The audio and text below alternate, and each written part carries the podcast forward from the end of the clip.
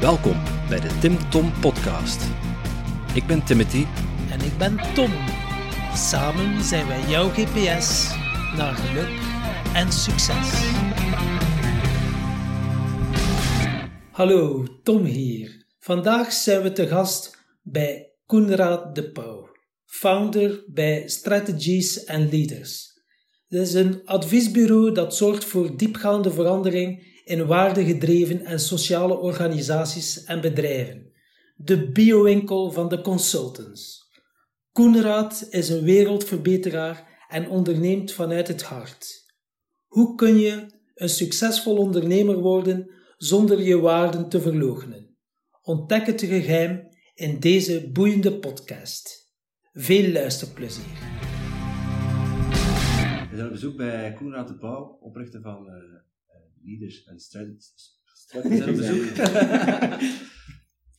we zijn op bezoek bij Ja. Strategies en Leaders. We doen, we doen normaal nooit geen retakes, maar... eh, Ja, maar ja, dat is oké. Het begin mag. Ja. Dag Koenraad. Dankjewel voor jullie, eh, voor jou, voor jou... eh, jong. Ik zal er geen zijn. Oké, dag Koenraad. Eh, bedankt voor de uitnodiging. Eh, fijn om hier te mogen zijn. Eh, voordat we gaan starten met het gesprek, hebben we voor u een vraag. Een vraag van onze vorige gast, Michael Niklaus, alcoholconsulent. En die vroeg zich af, eh, wat is uw relatie met God? Dat is een zeer mooie vraag. Eh, ik ben opgevoed eh, door twee afvallige katholieken. Dus mijn ouders zijn eh, opgevoed in een katholiek nest, maar zelf eh, als hippies eh, hebben ze afscheid genomen van het geloof. Maar daar nog, hadden daar toch nog wel heel veel gedrag die, ja, die daarmee in relatie staat. Dus bijvoorbeeld, mijn vader is momenteel ziek. En dat betekent dat mijn mama heel veel kaarsen brandt. Ehm, heel veel kaarsen brandt. Ehm, en, en in die zin is er al een stuk bijgeloven in mijn, in, mijn gezin. Maar uiteindelijk heb ik eh, zelf ook op mijn, tot mijn elfde zo naar de kerk gegaan. Dan heel erg gerebelleerd tot mijn ja, twintigste, dus van de kerk. En moest ik niet veel weten. Maar ik moet, als ik eerlijk ben, ben ik ehm, sinds een paar jaar terug geïnteresseerd in God. Ehm, omdat ik heel erg ontroerd kan zijn door de schoonheid dat er is vandaag en, dat, en de dingen die gebeuren. Dat ik, vroeger een tijdje marxist geweest, dus ik dacht, ja, alles moet wetenschappelijk verklaard worden. Ehm, maar hoe meer dat ik met persoonlijke ontwikkeling en leiderschap en maatschappelijke verandering bezig ben, hoe meer dat er iets in mij zegt van ja, hey, er is een groter geheel, een groter doel. Ehm, en dat ik dat ook kan voelen. Mhm. Dus ik ben, ik ben eigenlijk zeer geïnteresseerd geraakt voorbij een jaar en half, twee jaar nog maar in spiritualiteit, terwijl ik dat vroeger over afschuwde. Ja, en dat verafschuwen, waarom? Was dat gewoon rebelleren alleen, of was er zoiets van... eh, Nee, ik denk natuurlijk een van de, een van de redenen eh, waarom, dat, waarom dat ik wel God serieus verketterd heb, eh, is, is natuurlijk om door alle, alle wat gedaan wordt in naam van God, van de zoveelste oorlog of, of de, de, de onderdrukking van vrouwen.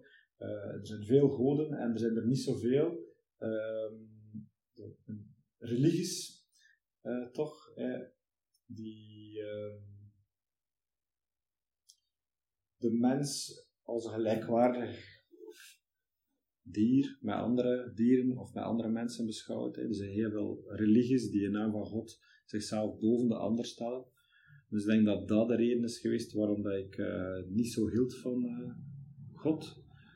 Ehm, maar als ik kijk naar de oorspronkelijke betekenis van waarom dat mensen op zoek zijn gegaan naar iets boven het aardse, en omdat ze dingen niet konden gaan verklaren, ja, dan kom ik toch ook wel veel meer, meer en meer op eh, dat punt. Hè. En ik heb van mijn 18e, 19e tot uh, mijn 25e, 26e zeer actief geweest in, in allerlei um, um, ja, dat, clubs die, en organisaties die de maatschappij wilden veranderen, dus vaak met een zeer marxistische mm. inslag. Dat betekent ook dat we heel vaak gingen gaan studeren op wat is nu de objectieve materialistische verklaring van een bepaald feit. Mm. Um, dus, uh, en en uh, Hegel die ging nog naar God. Uh, uiteindelijk verkla verklaring zocht hij nog bij, bij, bij God, uh, maar Marx niet. Dus ik denk dat daar een groot stuk van mijn, van mijn afkeer en ook mijn voorliefde van laten we de dingen wetenschappelijk verklaren ontstaan is. Um, maar zeggen dat ik ongelooflijk in de war ben daarmee op dit moment. Dus het is wel een toffe vraag. En hoe geeft die zoektocht vorm? Dat hij zei van ik ben sinds anderhalf jaar, twee jaar geleden ja. zo een beetje bezig met, met spiritualiteit. Ga je er op, bewust naar op zoek of ga je bewust op zoek naar die vragen en kom je daar dan in dat pad van uh, spiritualiteit terecht? Uh, maar eigenlijk uh, sinds vijf jaar, vijftal jaar heb ik verschillende trainingen gevolgd rond persoonlijke ontwikkeling. En heel vaak in een aantal trainingen is het laatste luikje uw relatie met de wereld of, en ook met nog verder dan de wereld. En ik moet zeggen dat ik een aantal keer heel ontroerd ben geweest in die trainingen. Dat heel, mij heel erg heeft geraakt om ook dat, dat luik te, in mezelf te gaan ontdekken. Um, en ik heb ervoor, dus het is, ik ga er wel echt gaan opzoeken, vooral in, in uh, trainingen en persoonlijke ontwikkeling. Uh, maar ik moet zeggen dat ik nog in het begin zit. Mm -hmm. Ik grijp er graag aan, ik praat graag met mensen die spiritueel zichzelf zelfs ferm ontwikkeld hebben, die vaak al veel pak ouder zijn dan mij. En zowel wat geïntrigeerd in, uh, in uh, het hindoeïsme eigenlijk, het Confucianisme. en het zijn vooral ja, die zaken dat ik wel begin, vooral met mensen te beginnen te praten maar heel traag en voorzichtig. Ja. ja. Het is echt het nu aan het ontdekken dat je nu echt wel aan het het is nieuw. Het is heel nieuw voor mij en uh, ben ik heb er ook nog heel veel weerstand rond. Hmm.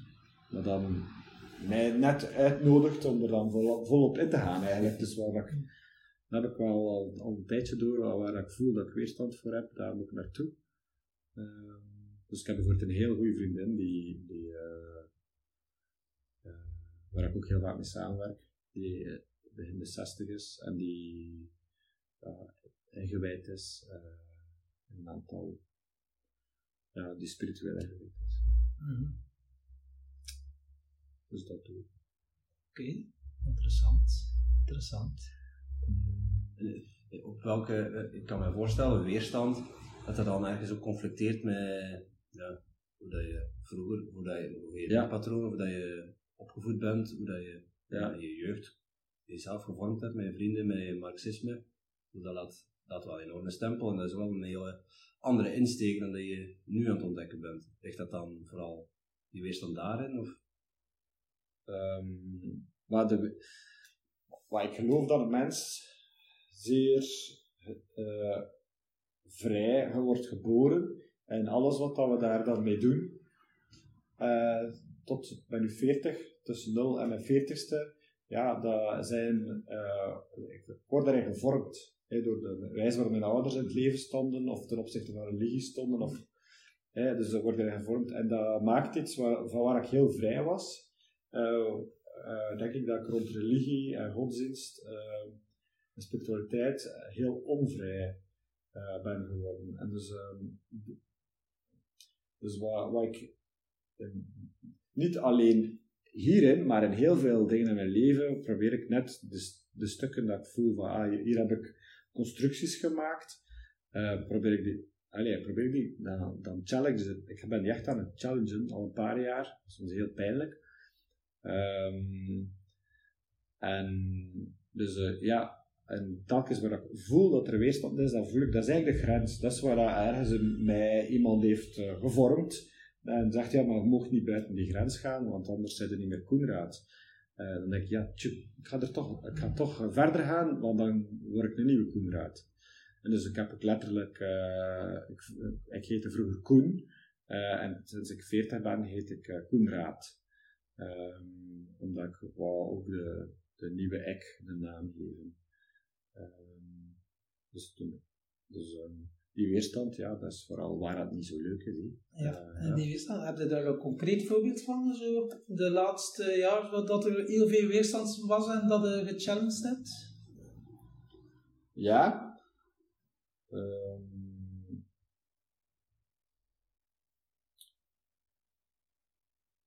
wel, ik ben um, van diploma sociaal assistent. -hmm. En dan politieke wetenschappen. Ik ben nagestudeerd, dus ik heb uh, een paar diploma's. Nog een. Oh ja, wat komt er meer?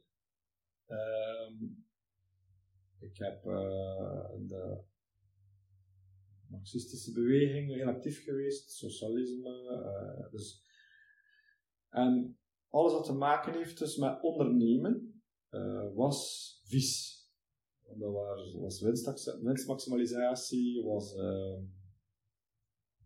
uh, uitbuiting enzovoort. Dus ik werkte voordien voor VZ2, zoals directeur in VZ2. Uh, ik was ook uh, in een coöperatieve actief. Um, maar alles moest ook zeer participatief zijn, geen leiders, iedereen gelijk. Um, Totdat op een dag mij een, een van mijn eerste coachen mij de curve, een aantal testen heeft laten doen.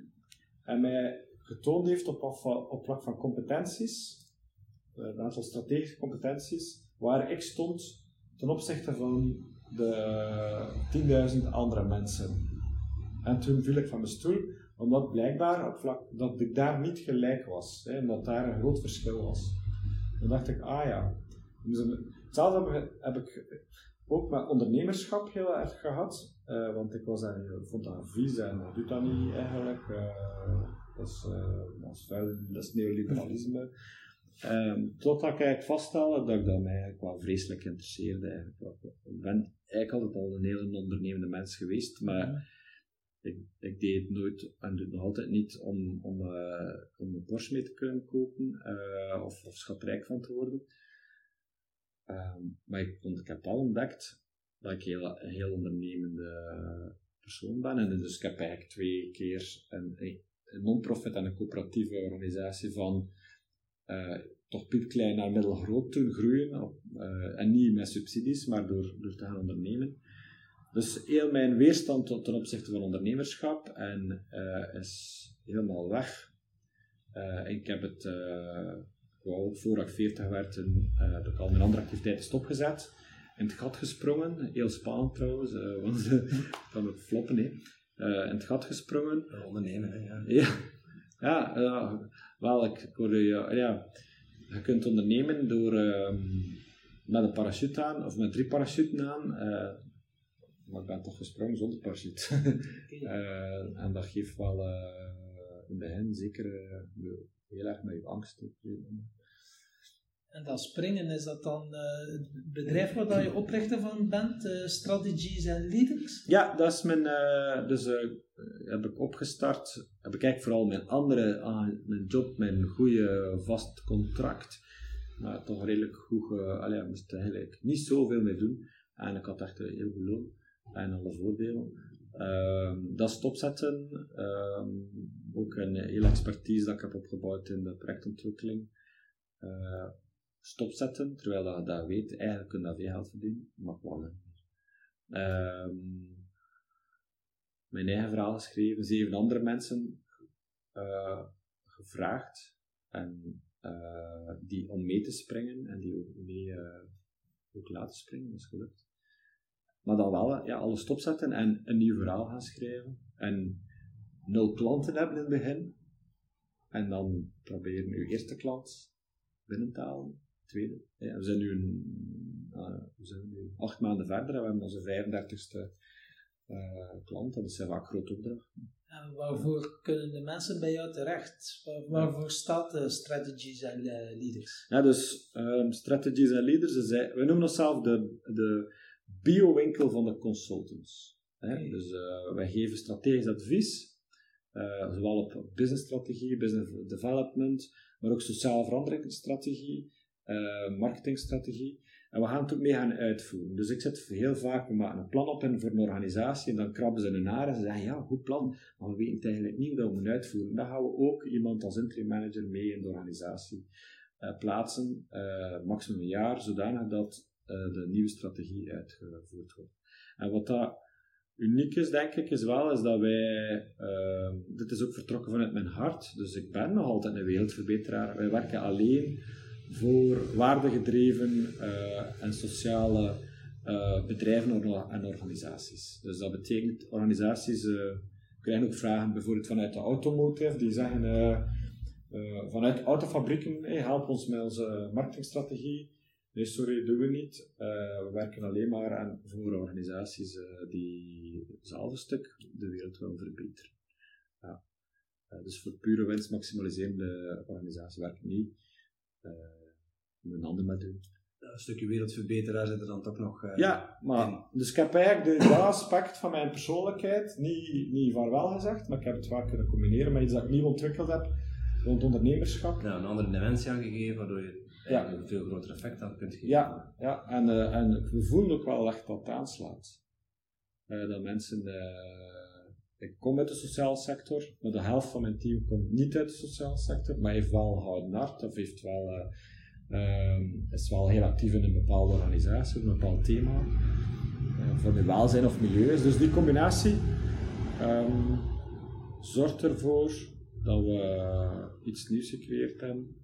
Maar dat gaat nog niet automatisch. Hè. Dus uh, succes uh, gaat, dat, gaat, dat komt niet vanzelf. Hè. Nee, ja. nee, is waar. Uh, Bloed, zweet en tranen, voor zeggen. Ja, zeker, zeker. En die zeven mensen, heb jij die dan gekozen? Of was ja.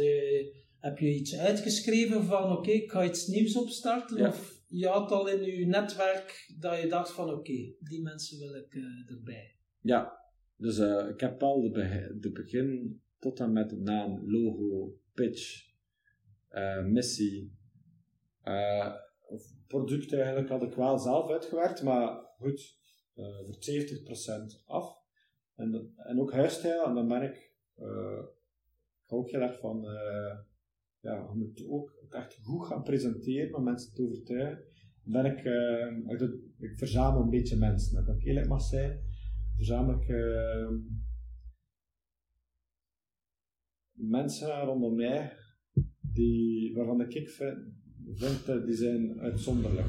Zo'n soort dream team dat je dan... Ja, ik noem letterlijk met dat zo'n bestandje als ik iemand tegenkom en denk van godverdomme, dat een speciale mens die, die, kan iets, dus de Nuka vaak ook, hè, maar die kan iets heel, heel goed. Dan zet ik dat, ik zet al, al bij 15 jaar, schrijf ik dat op in een bestandje in een Dropbox. Uh, en ik ben daar gewoon afgegaan. En dan, zit iemand bij me, het Aurelie. Uh, ik ben die eigenlijk meer dan 10 jaar geleden tegengekomen. En we hadden elkaar in elkaar 5, 6 jaar niet meer had gezien. En, uh, en die is meegesprongen. Ja. Is dat dan ook niet de universele krachten? Niets gebeurt zomaar, dat je dan echt wel dat dat op je pad komt? Uh, omdat je er nu meer voor open staat, dat je het ook ziet? Nee. Of denk je van, oké, okay, het is gewoon toeval, uh, ja, het gebeurt nee, het is zomaar. toeval, ik heb het zelf gecreëerd. Hè? Ja, het ja. zelf, ja. Ik heb het zelf gecreëerd en, uh, en uh, is werk, dat is ook heel veel werk ingekropen. Hè? Uh, dus ik ben, um, hoe noem je dat? Iedere keer ik de klik had gemaakt in mijn hoofd van uh, ik, ga, ik ga het anders doen, ik word binnenkort 40, ik ga, dus, dus twee jaar en een half geleden of zo, is er iets gebeurd met mij dat ik elke ochtend werk wakker om vijf uur, terwijl ik vroeger mag tot zeven, zeven uur al wacht op, opsta. Dus sindsdien sta ik eigenlijk bijna elke ochtend op om vijf uur. En dan begin ik te werken. En dus het eerste jaar had ik, uh, had ik uh, geen, wist ik vaak, ik wil iets anders doen. Ik wil uh, bij mijn schrijven, ben ik nadenken, bij mijn lezen. Ehm, ben ik begin, en dat is, het heeft toch zeker een half jaar acht maanden geduurd tegen dat dat eigenlijk echt vorm kreeg. Ja, dat, dat, dat triggert me wel eigenlijk. Ja. Je zegt van, dat is eigenlijk van de een op de andere moment Ja. Een besef gekomen van ik wil iets anders. Ja, Kun je daar wat meer over uitleggen? Over, over dat Ja. moment? ja, ik kan u daar veel over uitleggen. Omdat, ehm, kijk, in, in, in iets wat dat bij mij en bij veel wereldverbeteraars zit, is van ik ga eerst voor de ander zorgen. En ik ga eerst voor de ander zijn geluk.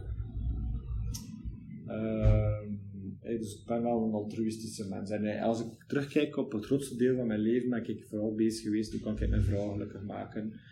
Hoe kan ik eh, mijn kinderen gelukkig maken? Hoe kan ik mijn collega's gelukkig maken? En Hoe kan ik eh, de mensen in de straat gelukkig maken? En ehm, er was op een, op bepaald moment dat ik doorhad van, ja, maar ja, als je zo doet in je leven, ehm, eh, dan ga je vooral jezelf ongelukkig maken. Voor dat. En ik weet nog heel goed waar dat ik, eh, in- ja, in welke periode dat mij begon te dagen ja, maar hij hebt eerst te kiezen voor je eigen. En, eh, en dat mag, dat is, dat is oké. En als iedereen dat zou doen, dan zou de wereld gewoon happy place zijn. Eh, als je eerst, eerst en vooral zorgt voor jezelf. Ehm, en als je dan nog energie over hebt, je voor de anderen gaan zorgen. Eh zodat je geen energie over. En door, door te zeggen, ja maar ja, maar Koenraad, hij mocht eerst voor je eigen zorgen, dat gaf zo lekker een rust. En dat gaf, kwam heel veel ener- energie vrij. Eh, en, en blijkbaar zijn mijn lichaam, stag je maar op en zijn maar een beetje bezig met jezelf. Eh, ja. En dus het moment dat, dat ik door had van, hij mocht, en het is helemaal prima dat hij je eigen ding doet, eh, en niet in eerste instantie in functie van een andere of een andere organisatie leeft, ja, dan dat moment was, was de klik. Ja, mooi inzicht wel, hè? Ja. ja. En vooral ook dat het niet alleen mentaal was, want ik word echt gewoon wakker. Echt fysieke gewaarwording. Ja, ja. Gewoon wakker, oké. Eh, en enthousiast wakker. Eh, van, ik heb het eigenlijk nog altijd. Dus minder eh, intens dan, dan, dan vroeger, maar zo de, de enthousiaste gevoel van uh, wauw, we zijn hier wij dingen aan het doen. eh, We gaan dag dat- ja, het mag beginnen eraan. eh, dat is er nog heel, dat is vier op de vijf dagen. nog. Is dat voor u dan geluk? Betekent dat voor u geluk? Of hoe zou jij geluk en succes omschrijven? Want onze podcast gaat over geluk en succes. Wat betekent voor jou geluk en succes? Maar succes ben, met, in succes ben ik redelijk goed en geluk wat minder. Ehm, ik zal beginnen met succes. Ik denk, ehm, wat is, voor, voor mij is succes. ehm, ik zou er eigenlijk nog één aan willen toevoegen. Maar, Oké, Doe maar, doe doe maar. ja, Wat wil je dan toevoegen? Succes is volgens mij ehm, gewoon het bereiken van je doelen.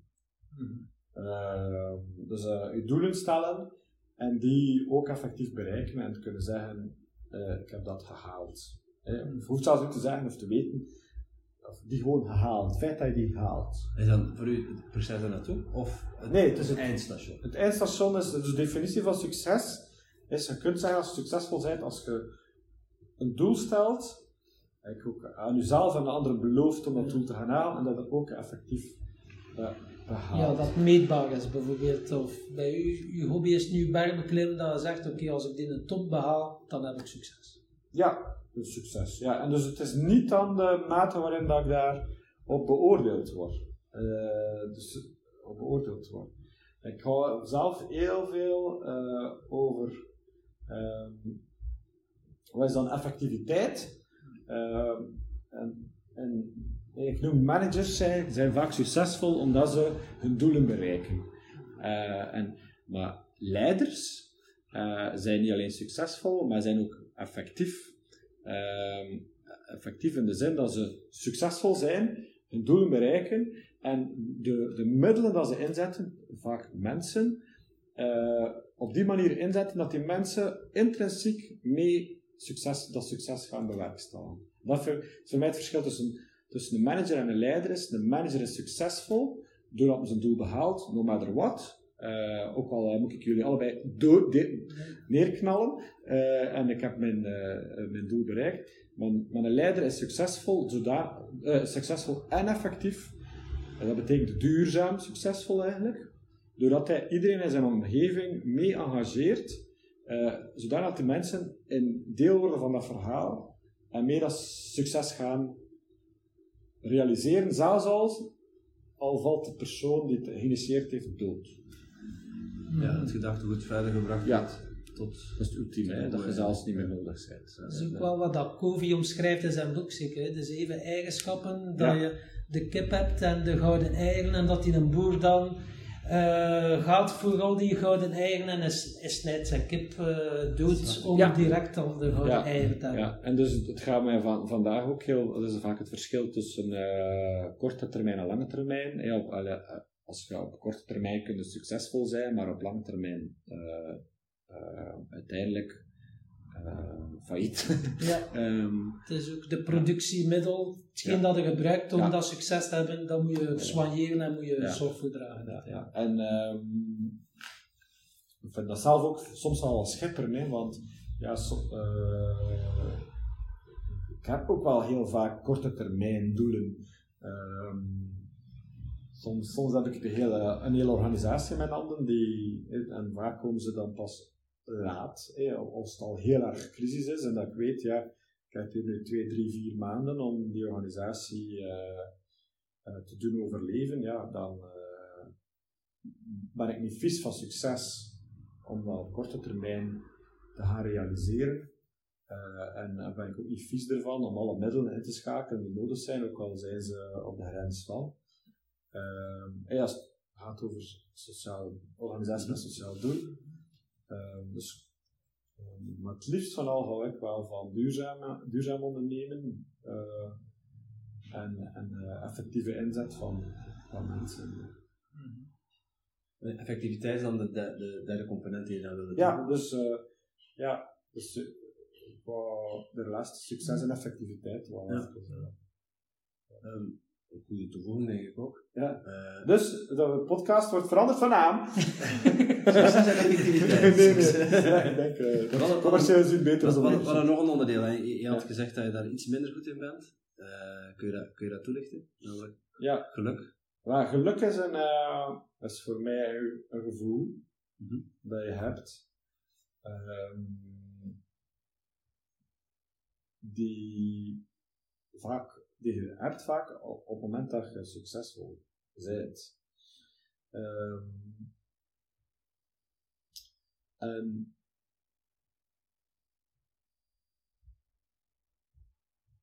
is wel om te voelen dat je tijd moet nemen.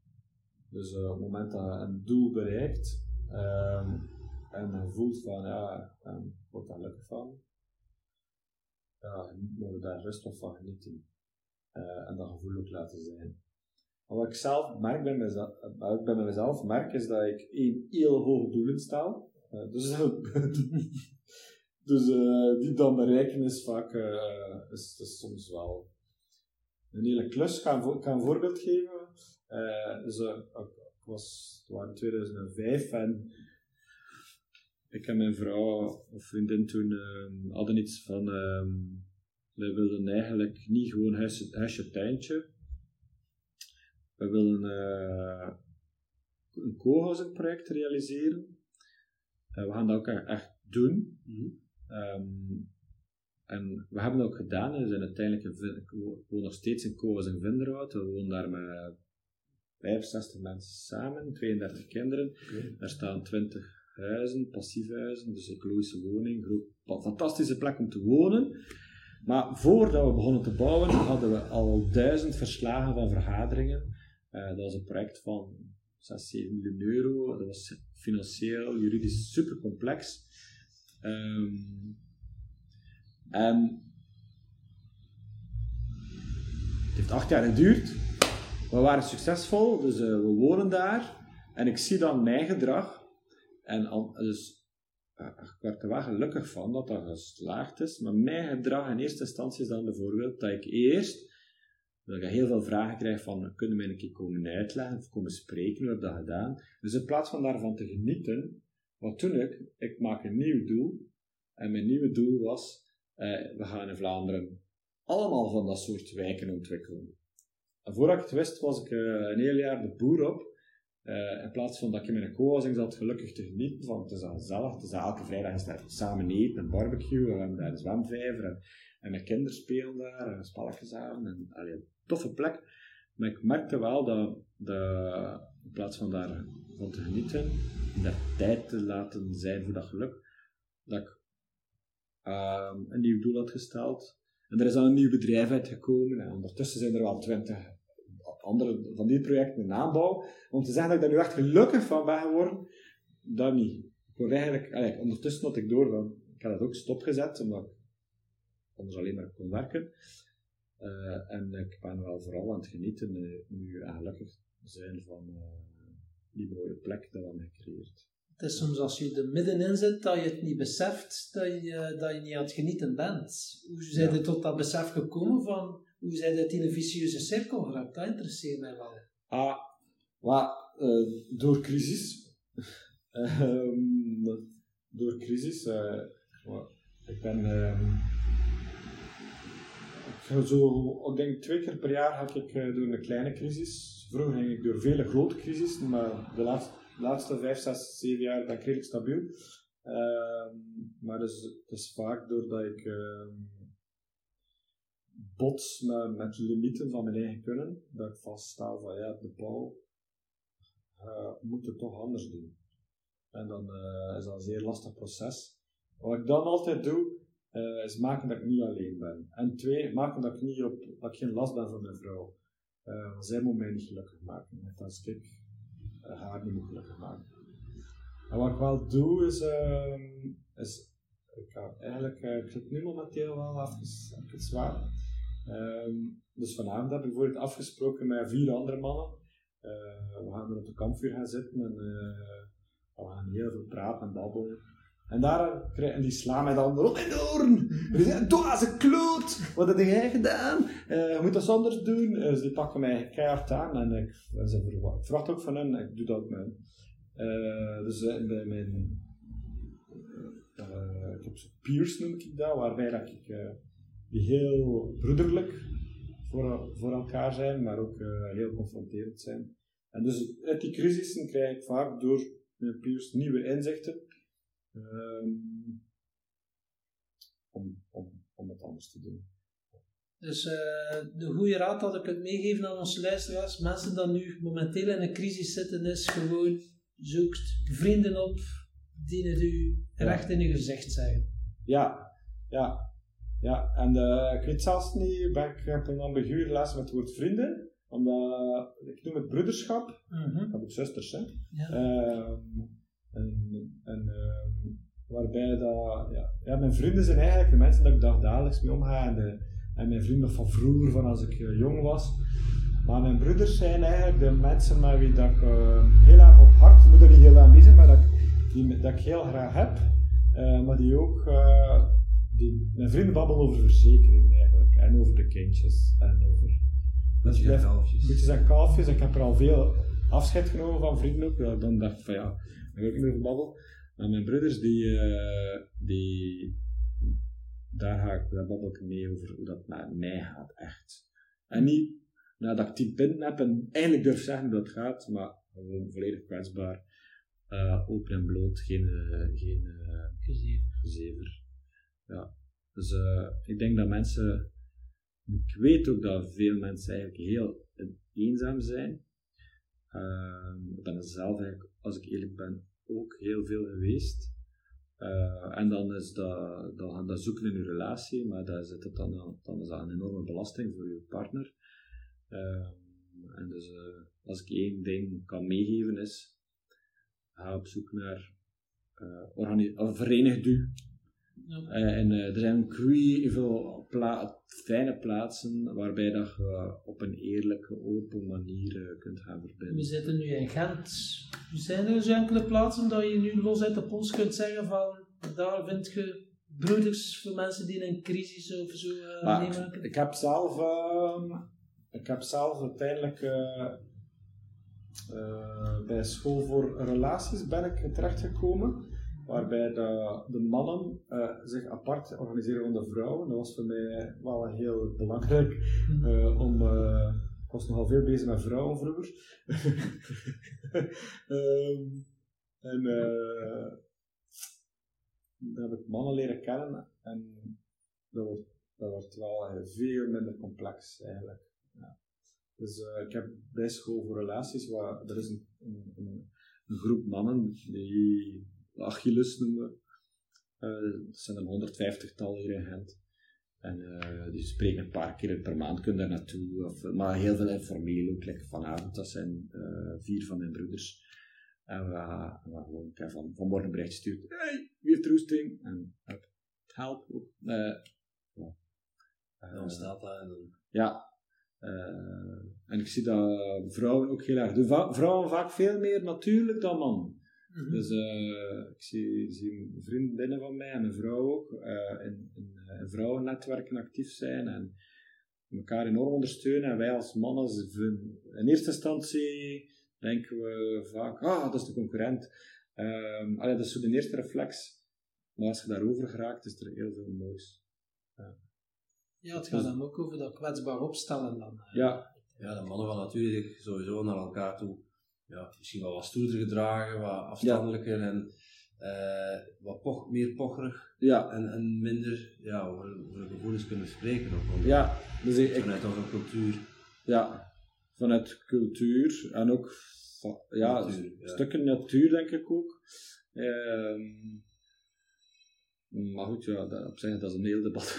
maar het is wel een feit. Hè. Ik coach uh, heel veel leiders um, en uh, mannen en ook vrouwen. Maar als ik met mannen werk, dan um, is het stukje de vraag: wat voel je nu?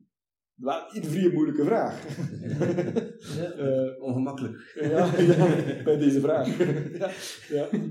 maar vaak komen we dan in een paar sessies al bij kwaad. Uh, en uh, terwijl dat er ook veel, veel verdriet uh, bij veel mannen zit. en of, of, vaak zit daar energie geblokkeerd om dingen te doen. Moet je, door, eh, wat, moet je echt vaak door je pijn en door je kwaadheid en door je verdriet en om, om uiteindelijk terug kunnen bijvoorbeeld te ondernemen. Ja, als je met veel kwaadheid zit, dan zit er vooral heel veel energie te besteden en alles dat niet oké is en alles dat fout loopt.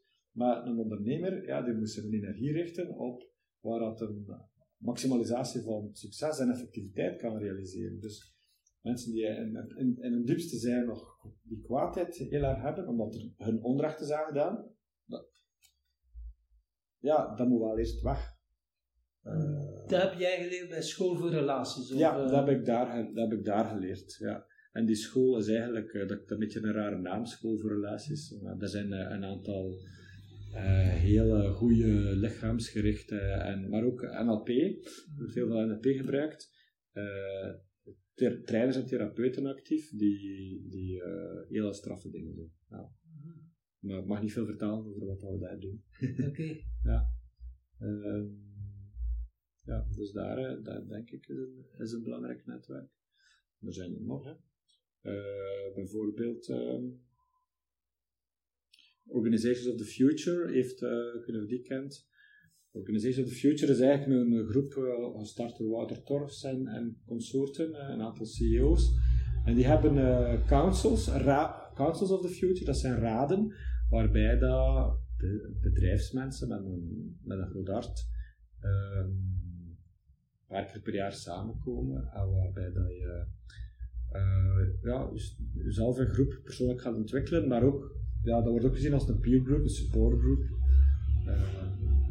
Maar als ik het goed begrepen heb, hebben jullie ook een dergelijke groep. Hè? Ja, we hebben een, mastermind en, en ja, een beetje vergelijkbaar principe. Ja. Je kunt je daar ook kwetsbaar op stellen, je kunt daar je, ja, je problemen delen die je niet met je vrienden en familie kunt delen. Ja. Dus dat, is, ja, dat werkt wel echt. Ja. Voilà. Dat, ja, werkt deblokkerend effectief. Ja waardoor dat je weer sneller vooruit kunt of, of de draad kunt oppakken ja. of, weet wat aan moet werken. Ja, voilà. Op emotioneel vlak. Ja. ja. Dus uh, nee, ik denk, uh, op zich, um, dat ik, ik heb nog wel wat businessmodellen gezien uh, met, met, met, uh, met dat idee. En voor mij is vooral de, de, er is wel altijd ook een stuk leiderschap in nodig. Dus uh, de kwaliteit van de, de, trainer of de leider of die, dat, die die organisatie op poten zet, dat is voor mij vaak, als je moet kiezen, check dan wie, wie is een organisator, uh, wat is de kwaliteit ervan, welke referenties, uh, zodat het ook veilig is. Dan denk ik, uh, regel 1 in dat soort clubs is, als er gezegd wordt, blijf die. Blijf die, ja. ja, ja en dan heb je de autoriteit ook nodig van een leider die dat voor onderwaakt. Boeiend. En dan om nog een keer even terug te keren naar geluk. Ja. Wat was dat voor je geluk? Wanneer was je voor het laatste keer bijvoorbeeld gelukkig? Ah, zaterdag. Ja, zaterdag was ik gelukkig. Ja, en ik voelde het ook echt dan. Uh, het, is, het is ook redelijk, relatief nieuw gevoel mm. voor mij. Uh, en zal ik vertellen hoe dat komt? Ja. Ja. ja. Nou, mijn vader is, heeft eigenlijk kanker gehad. Heeft dus uh, sinds oktober geopereerd. Lang verhaal kort. Veel complicaties, die kanker is weg, maar heeft eigenlijk uh, veel geleden, heeft veel pijn. Uh, en zaterdag was mijn dochter negen jaar geworden, familiefeest, en onverwacht was mijn vader daar. Uh, en ja, die, die ziekte, die behandeling, de chemo en al die bestraling heeft dan wel een stuk getekend. Um, maar wat ik zag is dat hij, doordat hij in verbinding kwam, is eigenlijk heel vaak alleen met mijn ma, want mijn ma, mijn doet dat fantastisch. Maar doordat hij dat familiefeest met de kleinkinderen, met de andere familieleden, dat hij daarbij was, begon hij weer heel veel te praten. En, en, en, en veel te vertellen eigenlijk. Uh, en toen was ik, uh, ja, dat was een enorme crisis, mijn vader. Ik heb gedacht op een bepaald moment hij gaat doodgaan. Uh, we hebben al gedacht, hij gaat doodgaan. En ja, het, als ik dat in, in, contrast breng van wat ik dan zaterdag voelde, was echt, voelde het ook echt dat ik heel emotioneel werd. Een stuk dankbaarheid gemengd met gevoel van geluk. Maar ook een stuk een laag pijn erop. Ja. Ja, mm -hmm. weer. Er, is ook, er is ook een stuk verlies, hè. Ja. Als iemand uh, zo ziek is geweest. Ja, het geluk eh, omschrijf je nu als, als uw vader die aanwezig is in, ja. in die ja, sociale setting. Ja. Um, en dan vooral voor uzelf, mm. dat, je die, dat je die persoon, die dierbare persoon, dat je nog altijd bij je hebt, en dat, ja. je, dat je die ja, kunt laten meeleven in je, ja. En ook, situatie. Ja, en, en, het klinkt raar, maar wij hebben daar. En ook dat ik voel dat ik en mijn zussen en mijn moeder daarin succesvol zijn. Allee, dus. Uh, Bijdrage hebben gedaan. Ja, we hebben daar ook, vooral mijn ma eigenlijk. Uh, maar ook wij als kinderen hebben op een bepaald moment ingegrepen, zodanig dat, uh, dat is een heel, heel medisch parcours ook, van de tijd van ziekenhuis veranderen en zo, uh, uiteindelijk ook echt heel erg ingegrepen. Um, en dat je voelt van, ja, de, deze, is wel, deze komt dan misschien wel oké. Okay. Ja. Ja, ja. Dus, uh... ja. Dus, uh... Mooi voorbeeld, dus het, is mooi niet, verhaal.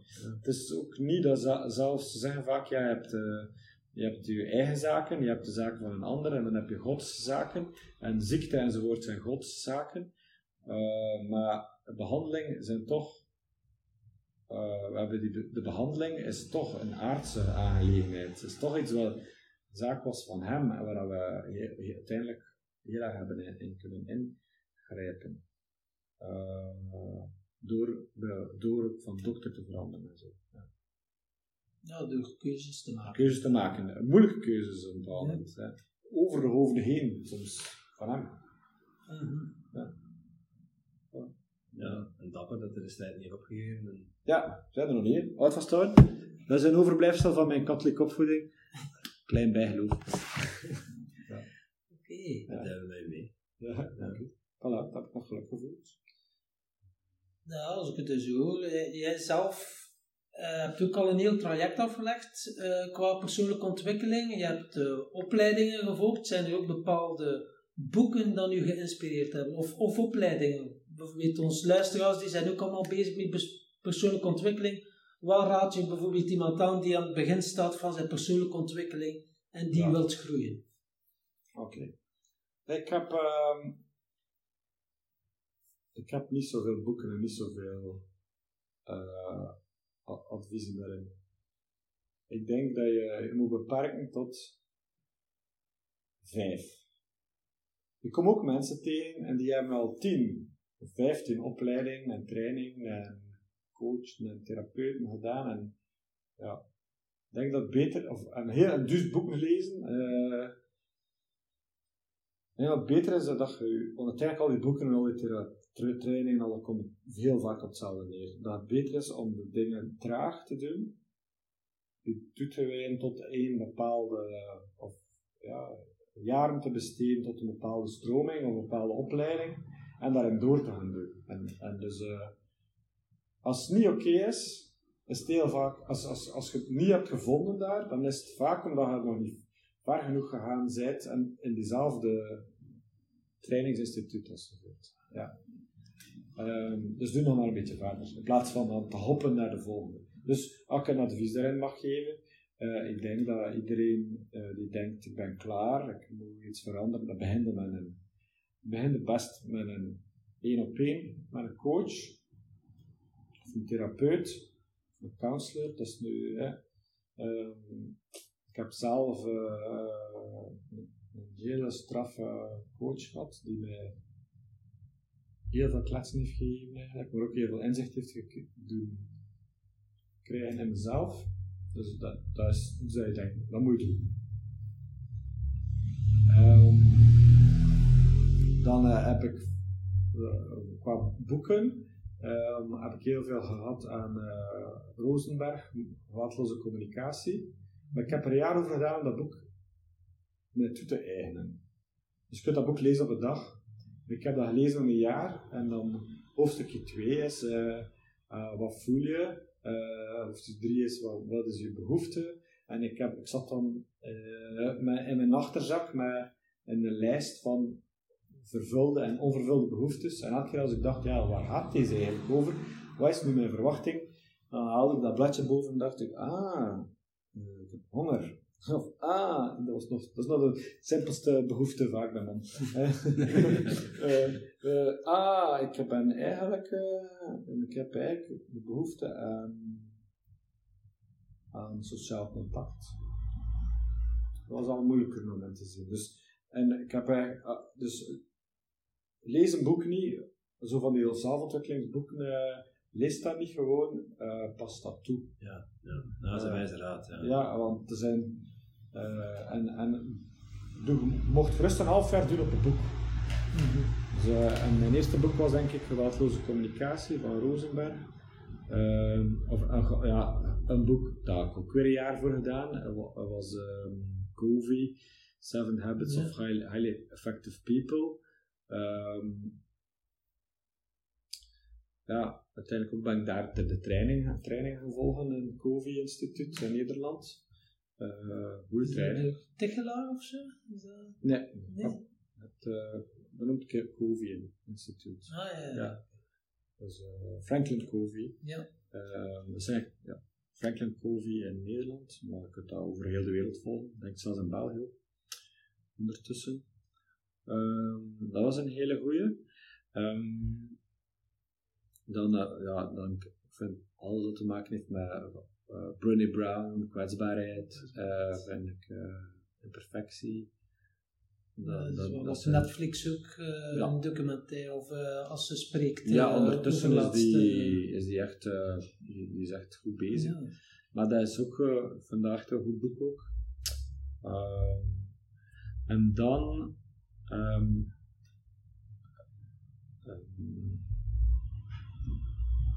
goed, maar dan dat is nog allemaal zeer hoofdelijk. Uh, dan beginnen ze wat de dingen te verstaan enzovoort. Uh, maar dan ben ik eigenlijk meer lichaamsgerichte trainingen gaan volgen. Ehm, dus wat, wat de theorie erachter is, is dat je, veel, dat je hebt je hoofd, je je hart, je je bekken, ballen, buik. eh, Dat het is te zien wat een propere, het de propere versie is de buik. Eh, mensen valt dat samen. hè. ja, ja, ja, het is waar. Eh, dus, ehm, en ehm, zo boeken lezen, en zo, het is heel veel hoofdelijk. Ehm, maar uiteindelijk is het belangrijk dat je, ja, de dingen die je ergens blokkeren, zitten vaak meer in je buik. eigenlijk. Ja. En dan is het eh, goed om, om training te gaan volgen, eh, die, die ook gaat werken met je lichaam. Eh, waarbij dat je de, de, ja, dat je nieuwe inzichten krijgt, maar niet alleen hoofdelijk. Eh, kun je daar een voorbeeld van geven? Ja, maar moeilijk om, het, eh, om mensen niet te doen afschrikken, want denken ze, wat wat die daarover? ja, ja, wat is dat? Ja, ehm, dus eigenlijk gaat het over, over een stuk her, herprogrammeren. Ja. Ik ga een, vo- ik ga een voorbeeld geven. Ehm, ehm, ik heb bijvoorbeeld Ik ga een, een voorbeeld geven dat, dat, oké zijn voor een podcast. bijvoorbeeld eh, de manier wat. Bijvoorbeeld de boodschap die mijn ouders hebben gegeven rond ondernemerschap. Hè. De boodschap die mijn ouders hebben over. hè, uiteindelijk hebben gegeven over ondernemerschap. Hun beide ouders waren zelf ondernemers, maar zij, zij zelf niet. Eh, een in het onderwijs en de ander in de sociale sector. En die vonden ook maar niks. Dat is hun manier om af te zetten tegenover hun ouders. De boodschap die mijn ouders hebben gegeven over ondernemerschap was, dat is vies. Ja. Eh, maar zij hebben dat aan mij doorgegeven, doordat ze zelf daar ergens, eh, ja, blijkbaar pijnstuk hadden na mijn, eh, ja.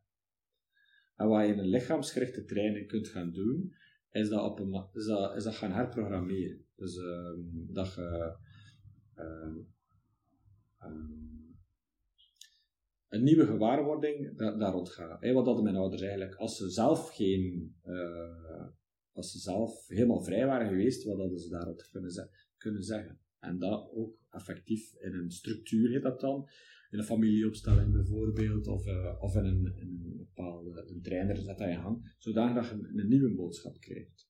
En dan ga je naar huis en denk van ja, ondernemen is eigenlijk wel oké. Ja, en dan zit, dus de weg, zit, zit een blokkade kwijt. Maar voor de rest denk ik dat vooral mensen nu beginnen nadenken, wat is dat allemaal? Gewoon moet dat gewoon doen. Als je weerstand voelt, zeker doen. Eh, Dat waar de weerstand zit, zit groeien. ja, waar het weerstand zit, het groei. Dus, ehm, en ik had eh, al met tien jaar geleden eh, verteld van, je gaat daarover nog gesprekken voeren op de podcast. Ik, eh, ik kon mezelf compleet uitgelachen hebben, maar ik heb wel wat blokkades, nog veel meer fundamentele die, dan die rond ondernemerschap, weggekregen door onder meer bij School voor Relaties training te gaan volgen die vrij diep gingen. Eh, en die niet alleen maar gingen over de manier waarop ik dacht, maar ook heel erg de manier waarop dat ik mij gedroeg. Ja. En, eh, en de dingen gewaar wil. En hoe dat me erbij voelde. Ehm, maar bijvoorbeeld in Nederland heb je body-mind eh, opleidingen, wat denk ik, en, heb ook in, en eigenlijk in heel veel trainingen. Zo in Nederland eh, zijn er heel veel goede trainingen. Ik heb eh, langs bij, de, bij een aantal, bij de directrice van, denk, eh, Academie voor Psychodynamica heb ik een opleiding gevolgd. Eh, Dus daar hebben ze coachopleidingen enzovoort. Hele diepgaande dingen. Ja, dus dat, in, in die, als je er klaar voor bent, eh that's where the magic is. Oké. Ja, In, in uw eigen lichaam. Ja, ja, ja, ja. ja. Ik hoorde nu, het blijft even nog in mijn hoofd hangen. Je was bezig van een coach die je redelijk wat kletsen heeft gegeven. Heb je daar een naam van? Eh, Ja, dat was, maar is ondertussen 70 denk ik, Eh, is Paul van der Velde. Paul van Paul der van der Velde, ja. Eh, man uit Sint-Niklaas. Een eh, fijne man, maar niet van de zachte soort. Ja. Ik heb er heel veel aan gehad. En nog af en toe contact met één keer per jaar, ik heb nog maar die heeft ja, ook wel zo de e- eerste inzichten in mezelf gegeven. En dat, dat, ik heb daar al van mijn stoel van gevallen. Ja, dat is tof. Dus één, volg je hart. Twee, zoek een coach om, Ja. eh, om ja, dingen los te maken, om de juiste vragen te stellen. Ja. Ga op zoek naar, ja, naar, naar inspiratie vanuit boeken, maar niet te veel. Niet te veel, traag. richt u ja, Persoonlijke ontwikkeling gaat traag. Hè. ja, Eh, traag en toepassen. Ja. En ja, lichaamswerk. Ja, uiteindelijk wel. Hè. Eh, uiteindelijk wel. Als je er, daar gaat het snelst. Ja. Maar daar, daar heeft, eh, de meeste mensen hebben daar geen zin in, omdat dat, ja, is het allemaal? Mm, Maar uit mijn ervaring, en ik ben een heel nuchtere mens, is dat dat daar het snelst gaat. Eh, ik moet zeggen, eerlijk gezegd, toen ik er aan begon, wist ik niet dat, dat daarvoor had ingeschreven. dus, eh, eh, dat was dat hier, maar ehm, ja. Dus, eh, voilà. Mooi. Je, je vertelde eh, net, ehm, ik vond dat wel, wel een mooie ook, eh, van mijn vrouw moet mij niet gelukkig maken en Mhm. ik moet mijn vrouw niet gelukkig maken. En je was daar heel stellig in. Ehm, Ik denk dat er heel veel mensen zijn die juist wel denken, mijn partner moet mij gelukkig maken. Wat, wat zorgt ervoor dat je er overtuigd bent dat dat niet zo is? Ehm.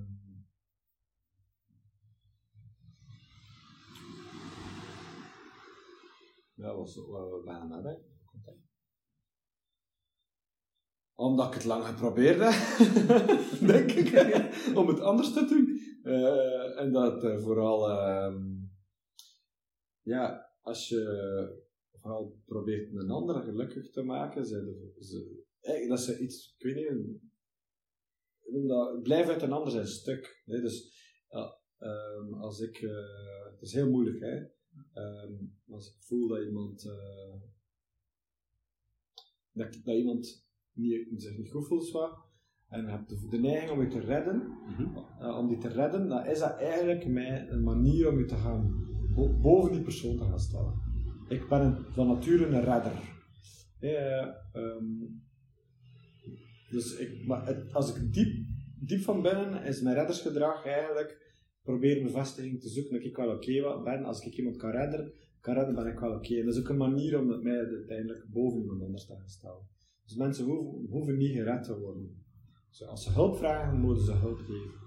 Maar als je er oplet, hoeveel keer dat, dat ik zie dat tussen mijn kinderen dat spel, hoeveel keer mensen effectief hulp vragen, of uw partner effectief hulp, wil je mij helpen, vraagt.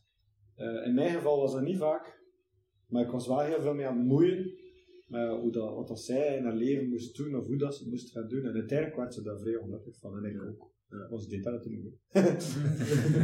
ja. En zo zijn mensen dat ook weer. Hè? Ja, ja, dus, en een dag dat ik dacht van, weet je wat, het is haar shit, ik heb eigenlijk genoeg zelf eh, tijd en shit en dingen te doen.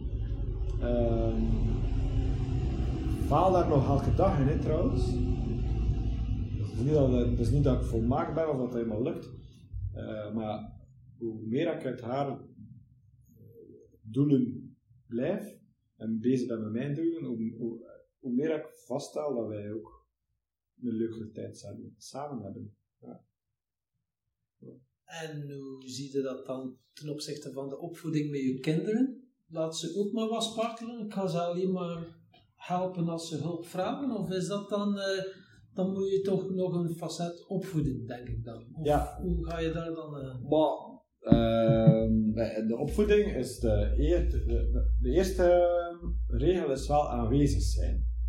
Dus eh, aanwezig zijn zodanig dat zij met u verbinden. Dus als je samen spelletjes speelt, dan gaan ze verbinden met u. En dus een dag dat ze dan een vraag hebben of een probleem hebben, is de kans groot dat ze zelf naar u komen. Ja. Dat betekent, en, en dat, dat is zo cruciaal, omdat veel mensen zijn aanwezig, maar zijn niet aanwezig. Omdat ze op hun iPhone bezig zitten, met de tv zitten, op de iPad zitten, of de kinderen zitten op de iPad. Ja, ze geven niet de aandacht die eh, nodig Ja, is. Ja. Dus, dus je, kunt maar, je kunt maar verbinding hebben eh, als daar uh, aandacht, alias daar, a- spontane aandacht nodig is. Dus ehm, je moet eerst aanwezig zijn. Dus eh, oké. En als ik eerlijk ben, ehm, ga ik hetzelfde om aan mijn kinderen. Dus in de eerste instantie.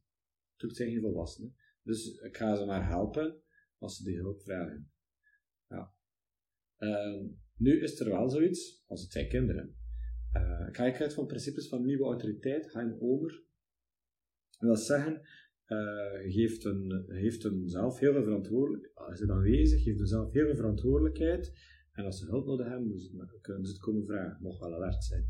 Nu, er is wel zo, als je ziet dat, dat, dat het onveilig wordt, uh, en dan moet je best ook maar definiëren wat is onveilig. Hè. Dus dat betekent, als ze een keer een 7 op 10 gaan hebben voor een rapport, dat is voor mij nog veilig hoor. Uh, maar, als ze, ja, hè, maar als ze bijvoorbeeld onveilig zou kunnen zijn, ja, ze gaan, um, ze gaan uh, falen, dus ze gaan, ze gaan moeten blijven zitten of zo. Dus voor sommige mensen is dat nog veilig, voor andere mensen is dat onveilig. Of ze, ze zitten in een verslaving van uh, drugs of van uh, uh, computerspelletjes bijvoorbeeld, ja, dan uh, is, mag je wel verder gaan dan aanwezig zijn. Hè. Dan mag je ook wel ehm, eerst terug doelen gaan, samen gaan bepalen, verplichten om doelen samen te stellen, hun daar zelf verantwoordelijkheid voor, voor, verantwoordelijk voor te maken. Uiteindelijk, als ze, ehm, als ze een doel niet halen, um, kan je nog een stap verder gaan en een stap verder is dat je, dat je uit uh, de anonimiteit van een falen doorbreekt. Wat bedoel ik daarmee? Is dat in, in kinderen hebben eigenlijk vandaag heel weinig sociale controle. Ze leven in de stad heel vaak, in een, in een, uh, in een kerngezin. Uh, in het beste geval met twee ouders, nu meestal vaak maar met één ouder. Ja, een halve, een halve links en een halve rechts. Ja, dus als, ze iets, als er iets fout loopt, echt serieus fout loopt in hun leven, ja, dan hebben ze eigenlijk uh, heel weinig uh, sociale afkeuring bijvoorbeeld. En um, wat, wat gebeurde er vroeger als een kind uh, zwaar in de fout ging? Uh, meneer Pastoor kwam langs, Beetje kwam langs, Beetje kwam langs. Uh, ze ging, iedereen ging zich gaan bemoeien, dat was de oude autoriteit. Iedereen, alle ouderen gingen zich gaan bemoeien, of in een dorp, iedereen ging zeggen, ja, dat is niet oké. Okay. Uh, zodanig dat die persoon zich niet alleen veroordeeld voelde, maar ook geliefd voelde eigenlijk. Want als iedereen zei, we zitten er echt in dat, hij, dat je sigaret rookt, moet dat niet doen, dat is echt ongezond. maar als je dat 30 keer op de dag hoort als kind, of als jong volwassene, ja, dan is de kans vrij groot dat je zegt, weet je wat, die sociale controle, ga stoppen, hebben misschien gelijk. Ehm, dus nu uh, raad ik mensen dat soms aan, als het echt, echt, echt fout gaat, van oké, okay, die je zoon komt thuis of je dochter komt thuis, en heel de familie en al de vrienden en zo zitten daar, we gaan daar nu een keer over babbelen. En klinkt... klinkt uh, en gebeurt dat dan bij jullie dan, die co-housing in die commune? als er iets, een gedrag is dat misplaatst is, is dan iedereen die dan... Ze zijn nog jong, hè? de oudste is 13, dus ah, echt zware wat we wel doen, is met alle ouders samen zitten soms rond uh, de opvoeding van de kinderen. En dingen, ja, ja, dat is ook nodig. Ja. Uh, maar wat we dat nog niet gedaan hebben, uh, we hebben nog geen kinderen aan de drugs of zo, ehm, is daar samen gaan mee zitten. Maar er is wel automatisch gigantisch veel sociale controle. Ja, dat is wel een co-housing ja. Ja, dus er is één, één jongetje die ene keer geprobeerd aan de drankkast, dus we hebben een gemeenschappelijke ruimte met heel veel drank. Uh, voor de feestjes, voor ons, maar niet voor de kinderen. Uh, dus de ene keer geprobeerd uh, om daaraan te zitten. ja, en het was wel direct gezien. En ik denk wel dat zeker van tien ouders daarover is aangesproken. Ja, maar niet in groep. Het was nog zeer onschuldig. Um, dus... en dan, het meest extreme voorbeeld is, we noemen, noemen zitten. Dus dat je gewoon, als het echt als dat kind echt in gevaar is, uh, dan bezetten die zijn kamer. Ja, dus doet ze ween. Oh ja, oké. Okay. Dus gaat geweldloos verzet gaan. Uh, ook in de opvoeding. Ja. Mooi. Ja, daar heb ik ook een jaar op gestudeerd. Nieuwe autoriteit. Uh, Hein Omer uh, is wel ook, dat is eigenlijk een beetje de, de vertaling van geweldloze communicatie, maar dan in opvoeding. Uh, en, en heel, heel straf. Ja. Ja, je past er dan toe bij je, eh, je eigen gezin. Ja. En merk je daar dan uh, veranderingen van gedrag en, en houding? Bij, Ja. bij je kinderen, bij je, bij je partner? Ja. Maar als ik eerlijk ben, eh, wist ik niet hoe dat ik een kind moest opvoeden. Ik weet niet of dat jullie eh, dat, dat wisten. Eh, Ik heb geen kinderen. Nee. Ik weet het altijd niet. Ja, en ehm, ik, toen mijn kinderen heel klein was, zat ik heel erg in, eh, die doen niet wat dat ik wil dat ze doen. En ik werd daar heel kwaad om. Ik was daar heel triestig uiteindelijk, omdat ik daar zo kwaad voor word, omdat die kinderen niet doen wat ik wil dat ze doen. Ehm, en dat is een van de redenen waarom, allee, dat is de, en ik voelde wel bijvoorbeeld dat de manier waarop dan met mijn kind omging, dat dat eigenlijk niet zo positief was voor hun zelfbeeld. Eh, en sinds dat we dat anders doen, eh, zie ik dat, dat het zelfbeeld van mijn kinderen veel groter is. Dus ze zijn veel zekerder over mij. Ja, zelfstandig. Ja, zelfstandig. Niet, niet, mijn jongste is nog echt zeven, is nee, negen. Ehm, die, is, die is nog, eh, die die wil nog heel veel komen knuffelen, wat, wat ik leuk vind. Eh, maar mijn zoon is elf en die is, die kan gelukkig, die gaat nu 14 dagen op scoutskamp en die komt thuis en die zegt, yo, eh die voelt hem heel goed in zijn, in zijn vel. Terwijl ik denk dat dat een ander kind ging geweest zijn, mocht ik eh, in dat autoritair vaderschap blijven plakken zijn. Ja. Ja, dus ik denk dat dat ook heel groot effect heeft. Ja. Heim Omer. Heim om. Heim Omer. Dus als je kinderen hebt, dat is ook een goed boek. Eh, eigenlijk geen goed boek. Het is eigenlijk een slecht boek. Eh, maar ja, het is echt een slecht boek. Eh, maar het is wel, ik heb er ook een training rond gevolgd. En hier in Gent, een van de advocaten. Ja, dus drie avonden, dat was vrij, vrij interessant. Maar om het dan toe te passen, is het weer, dat, dat heb je echt... Dus als ik het hoor, volg jij ook nog veel trainingen en opleidingen nu momenteel? Nee, Dus één per jaar. Ja, één per jaar. Eén per, Ah, één per, oh ja, één per jaar. Ehm, echt een, een diepe training, één per jaar. Ik denk zo kleintjes nog een keer een avond hier of twee avonden Ja, daar. ja, ja. ja. Maar niet zoveel, ze. Ah, Want, want echt, die, van die de mensen die die training consumeren aan de lopende band, je krijgt dat nooit in je systeem. Als je dat zo rap... eh, als je dat zo rap... Dat is toepassen om te beheersen Ja, en ja. te begrijpen ook ergens. Ja, dus één per jaar, eh, één stevige training per jaar en, en dan één à twee uh, Workshop. workshop dingen achter het ding. Dat is zo wat het juiste evenwicht. Als je meer doet, dan zit het niet aan het interna interna internaliseren. Denk Oké. ik. Wijze les om, om, om, om het af te ronden. We zijn alweer uh, ruim een uur ver. Right. Uh, zijn er tot slot nog dingen die we gemist hebben waarvan jij denkt van ja, dat wil ik echt nog wel kwijt? Um, ik ben even aan het nadenken. Ik heb nog heel veel gemist. Maar kun je de volgende keer. Ja, ja kan, ja. Dat, dat, was wel zeer interessant. Dus misschien ja, ja. deel 2 aan um, Als het over ik ben niet zo zeker over uh, geluk.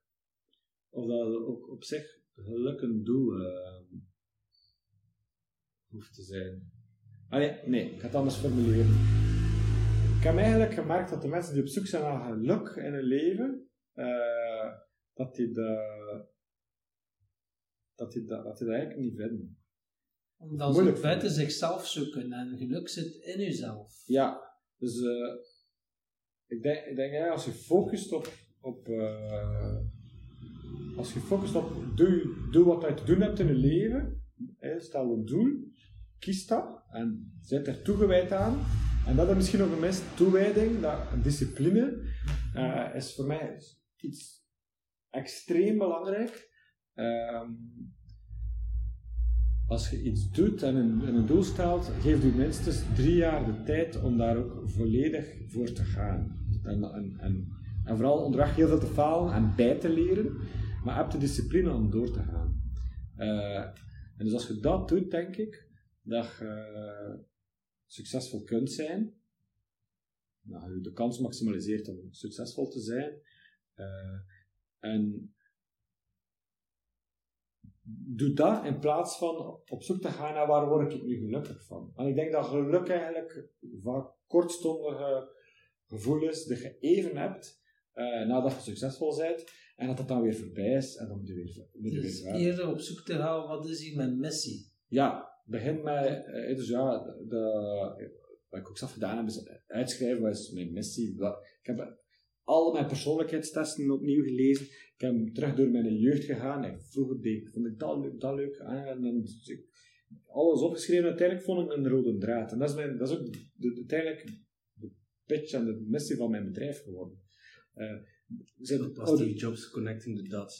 Ja, ja, dus, uh, dus uh, alle, al, al, alles zijn uw waarden als ik kijk, ja, de laatste twintig jaar, als ik, kijk, altijd, als ik naar een film kijk, waar, wanneer begin ik te huilen? Ah, als het onrechtvaardig is, dan uh, mensen die in een onrechtvaardige situatie zitten, word ik daar altijd door geraakt. Blijkbaar vind ik dat belangrijk. Dus al dat samen, uh, en maak daar een doel van en gaat daarvoor, voor, voor je persoonlijke missie. En het oppervlakkige, ja, dat vind ik leuk en dat vind ik niet leuk om te doen, daar word je niet gelukkig van. ja. Dus, Misschien moeten we daarmee afsluiten. Oké, okay. mooi. We hebben dan nog één vraag voor u. Want onze volgende gast, we weten nog niet wie dat gaat zijn. Hmm. Maar heb jij een vraag voor onze volgende gast? Welke vraag zou je die graag willen stellen? Hij of zij? Ja. Hmm. Mag ik even nadenken? Ja hoor. Ik heb er toch tussen. Ja. Of misschien niet. Maar niet geknipt, hè? de podcast. Oké. Okay. En we weten nog niet wie dat is. Nee. Hmm.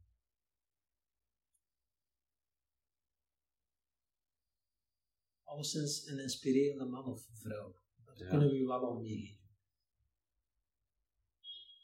Um, kan je mij eens vertellen hoe dat je ah, nee, ik ga het eerst even uitleggen. Ja. Mensen volgens mij zitten we in een, echt, echt ook in een, een verandering van tijdperk. Uh, we leven in een, in, een, in een, tijdperk waar de veranderingen heel snel gaan. Mensen hebben het gevoel van, um, ik weet eigenlijk niet meer wat dat goed en slecht is. En bijvoorbeeld het hele klimaatdebat, ja, is het nu waar, is het nu niet waar? Voeding bijvoorbeeld, wat is een gezonde voeding? Niemand die mag weten eigenlijk, hè. vegetarisch, veganistisch, nee. Dus iedereen is, mensen zijn echt op zoek naar, um, en uh, een vraag is van, voor mij is van, hoe kan je um, ontdekken wat waar is? De waarheid, wat is de waarheid? Wat is waarheid voor jou? Wat is waarheid voor jou? Ja, mooi ja. dat is mooi. Uh, en hoe kunnen mensen checken dat het waar is? Ja. ja. Oké, okay, dank u wel. Voilà. Dank u wel. Raad? Ja, inderdaad. Voilà. De opname is gelukt. Yep. Ja. Mag ik nu terug mijn kleren doen? Ja, ja dat mag.